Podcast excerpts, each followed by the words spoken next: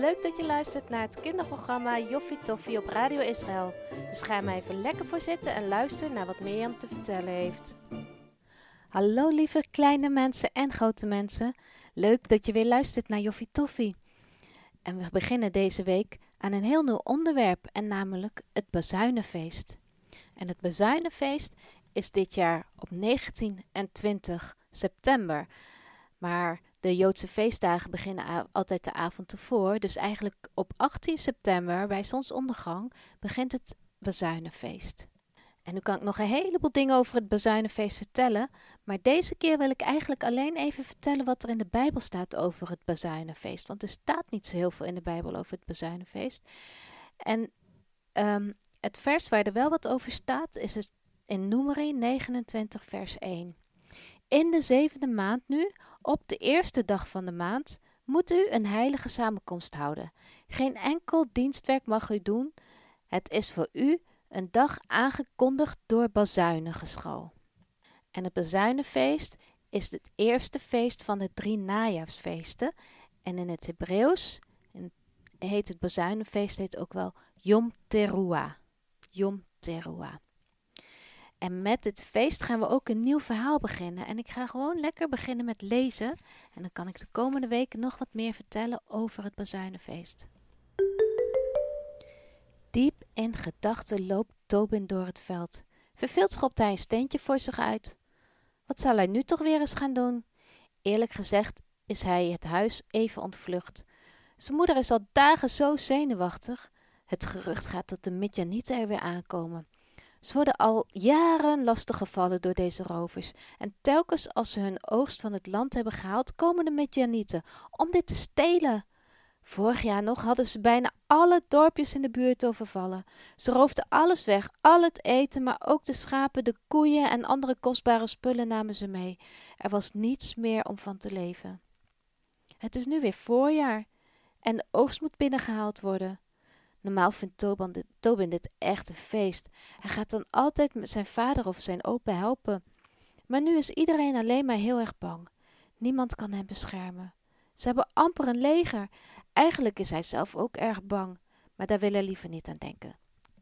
Zijn vader is al een god aan het uitzoeken waar ze kunnen gaan verstoppen als de rovers komen. Zijn oom Gideon zegt dat het hun eigen schuld is. Het is een straf van God, omdat ze bidden en offeren aan andere goden, zoals Baal. Maar er is misschien hoop. Zijn vader kwam gisteren thuis met een nieuwtje. Er was een profeet in de stad die vertelde dat we niet bang hoeven te zijn, maar op God moeten vertrouwen. Die profeet herinnerde ons eraan dat God ons toen uit Egypte heeft gered en nu ook van onze vijand zal gaan bevrijden. Tobin weet niet zo goed wat hij van die boodschap moet denken. Wat zou zijn oom Gideon daar, nu van vinden? Dat brengt hem op in de idee. Hij weet al wat hij gaat doen. Hij gaat zijn oom opzoeken. Hij begint vlug te lopen. Oom Gideon is zijn lievelingsoom en hij woont bij opa. Tobin vindt hem de dapperste man die hij kent. En dat niet alleen, hij heeft ook altijd tijd voor je. Tobin begint nu zelfs te rennen, des te eerder hij bij zijn oom is. Hij zal vast aan zijn werk zijn. Dan kan hij ondertussen fijn met hem praten. Als Tobin vlak bij het veld komt, ziet hij dat zijn oom grote stenen op elkaar aan het stapelen is. Oom, oom! Tobin rent naar Gideon toe. Wat bent u aan het doen? roept hij verbaasd. Gideon zakt op een van de stenen neer. Kom erbij zitten, jongen, zegt Gideon. Aan jou kan ik het wel vertellen. Tobin ziet nu pas dat er wat aan de hand is. Zijn oom kijkt zo verbaasd, net alsof hij iets bijzonders gezien heeft. Luister, jongen, van me. Ik heb zojuist een hele bijzondere boodschap gekregen. Ik kan het zelf ook nog bijna helemaal niet geloven. Er was hier net iemand die mij kwam vertellen dat God ons echt gaat bevrijden van de Midjanieten. En uh, oom Gideon stopt even. En hij lijkt alsof hij niet meer verder kan vertellen. Oom, vertel eens. Ik zal het echt aan niemand doorvertellen hoor. Nou, luister, het was niet zomaar een boodschapper. Dat kan ik je wel vertellen. Het was een engel van God. Tobins mond valt open. Een engel? Ja, een engel, gaat Gideon verder. Hij kwam mij vertellen dat God wil dat ik tegen hen ga vechten. Eerlijk gezegd was ik een beetje bang. toen ik begreep dat het de engel van God was. Maar God zorgde ervoor dat ik toch bleef leven, ook al had ik de engel gezien. En nu ben ik met deze stenen dus een altaar aan het bouwen, want ik wil God graag bedanken met een offer. Tobin is er helemaal stil van. Hij weet niet wat hij moet zeggen. Hier, een engel, op deze plek? Tobin wil bijna zijn schoenen uittrekken. Oom, mag ik u helpen het altaar af te bouwen? Graag, antwoordt Gideon. Twee dagen later, als Tobin morgens wakker wordt, hoort hij zijn ouders druk aan het praten. Zouden de Midjanieten nog dichterbij gekomen zijn? Vlug kleedt hij zich aan. Pap, wat is er aan de hand? Moeten we vluchten? De gezichten van zijn vader en moeder staan somber. Nou, nee, luister goed, Tobin, zegt zijn vader ernstig. De mensen hier in de buurt willen oom Gideon vermoorden. Wat? Mijn oom vermoorden? Tobin snapt er niets van. Maar pap, waarom Gideon? Gideon zou ons juist gaan redden. Tobin doet snel zijn mond dicht. Hij zou bijna verraden hebben wat hij gehoord en gezien heeft. Hij had nog zo aan zijn oom beloofd om niets te zeggen. Zijn vader legt het uit. Vannacht heeft Gideon met een paar knechten het altaar en de paal van de Baal helemaal kapot gemaakt. Tobin schrikt. Maar dan bedenkt hij, zou God misschien weer met oom Gideon gesproken hebben en gezegd hebben dat hij dit moest doen? In zijn hart is Tobin heel trots op, op zijn oom Gideon, dat hij die waardeloze God nu eindelijk heeft eens aangepakt heeft. Wat nu, pap? Wat gaat u doen? U gaat hem toch weer helpen? vraagt, Gideon, vraagt Tobin.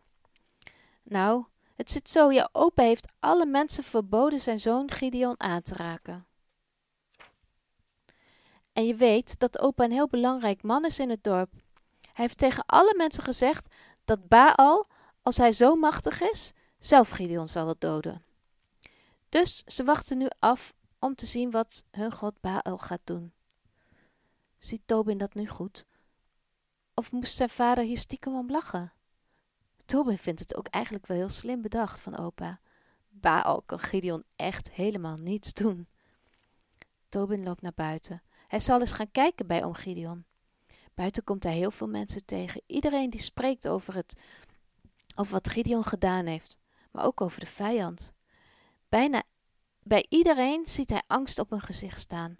De rovers komen steeds dichterbij, vertelt de buurman. Ze zijn zelfs al over de Jordaan getrokken. Wat moeten we doen? roept iemand. We zijn zo machteloos, niemand kan ons hierbij helpen. Nou, zegt de ander, ik heb mijn vrouw vanochtend alvast onze kinderen naar, het God, naar de gestuurd. Om te gaan schuilen.